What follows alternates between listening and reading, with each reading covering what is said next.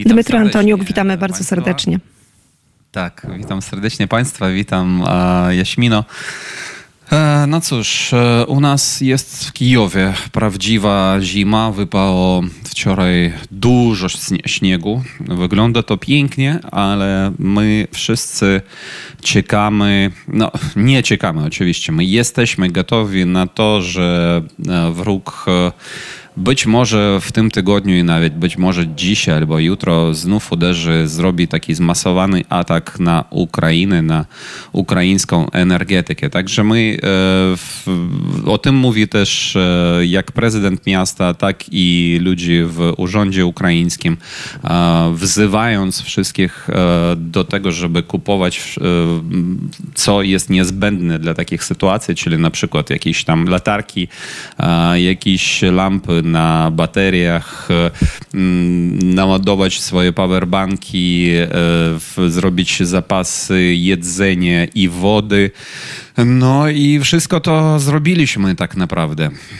Także jesteśmy gotowi na, taką, na taki scenariusz, ale oczywiście nie chcemy go, bo na razie mamy, ja przynajmniej mam w swoim mieszkaniu i wodę, i ogrzewanie, i, i prąd. E, Także mogę też e, i, i, i mam też e, internet, także mogę pracować z domu, jak to zwykle było.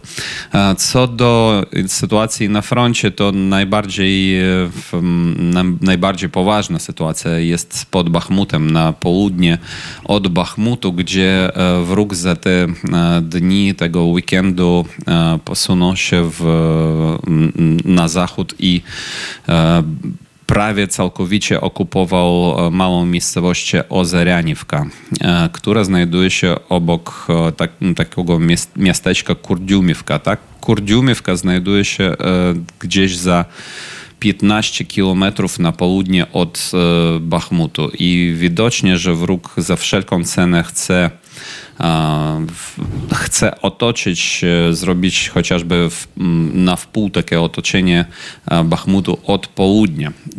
Także tam sytuacja naprawdę jest bardzo, bardzo poważna i ciężka dla naszych, dla naszych chłopców. Wczoraj też widziałem zdjęcie z linii, e, linii okopów e, naszych gdzie widać, że po prostu ludzie e, są po kolana w e, wodzie i w brudzie. I w, jeden z blogierów po prostu porównał e, to zdjęcie zrobione teraz, w, pod koniec listopada 2012 roku, z zdjęciami zrobionymi w Belgii pod miejscowością Passchendaele w, 2000, e, w 1917 roku podczas I wojny światowej i absolutnie nie ma żadnej różnicy. Co tam byli ludzie po kolana i nawet więcej w wodzie, e, stali e, przy zniszczonym kompletnie lasie, to i tak wygląda teraz w Ukrainie. Także to, co my w domu nie mamy, być możemy nie mieć e, prądu, ogrzewania, e, internetu, wody, to w porównaniu z tym, w jakich warunkach e, walczą i skutecznie walczą e, nasi obrońcy, to w, w ogóle jest nic. Także my zawsze, kiedy kiedy to na- nas e, dopieka taka sytuacja, kiedy wyłączają prąd i tak dalej, to my staramy się po prostu przypominać sobie, e, gdzie teraz są nasi, nasi obrońcy. I tak, e, takie słowa wiary i otuchy, które płyną od e, ciebie, Dmytro, e, naprawdę są bardzo krzepiące. My też oczywiście jesteśmy całym sercem i myślami razem z Ukrainą, jeżeli chodzi o takie dane, które tutaj do nas płyną dotyczące sytuacji energetycznej.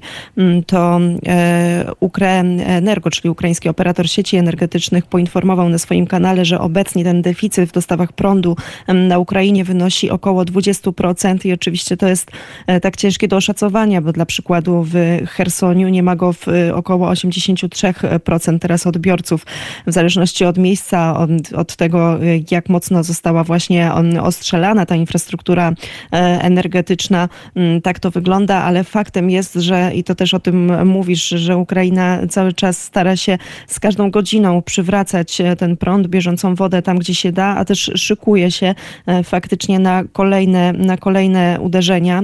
Dmytro Historyk, e, publicysta, e, dziennikarz, korespondent Radia Wnet, e, obecnie w Kijowie. Bardzo serdecznie dziękuję za relację. Jeżeli, jeżeli pozwolisz, jeszcze dodam bardzo krótko, że też Pewnie. jest informacja od przewodniczącego em, Energoatomu o tym, że być może e, wygląda na to, że wojska rosyjskie mogą, naprawdę mogą opuścić teren e, atomowej elektrowni w Energodarze.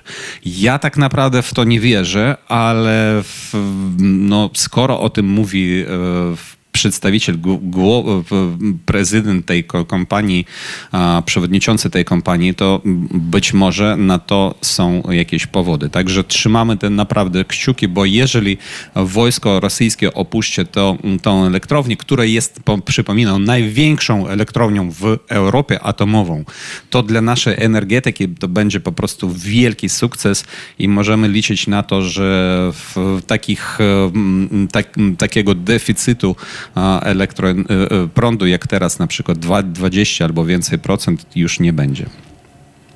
To prawda, taka informacja się pojawiła i jako dowód na to, że Rosjanie zamierzają, e, tylko tutaj niestety też mamy właśnie e, informację, że, że, te, że media aktywnie szerzą fałszywe pogłoski, ale to jest e, informacja, która po, przypłynęła od tej okupacyjnej administracji en- Energodaru i oni jako dowód na to, że Rosjanie zamierzają pozostać w Energodarze, no to podali te plany stworzenia dodatkowego źródła zasilania dla zaporowskiej elektrowni jądrowej, ale my oczywiście mamy nadzieję, że Rosjanie jak najszybciej opuszczą e, okolice e, Energodaru, a także opuszczą wszystkie e, ziemie na Ukrainie. Dmytro Antoniuk, jeszcze raz dziękujemy za raport z frontu.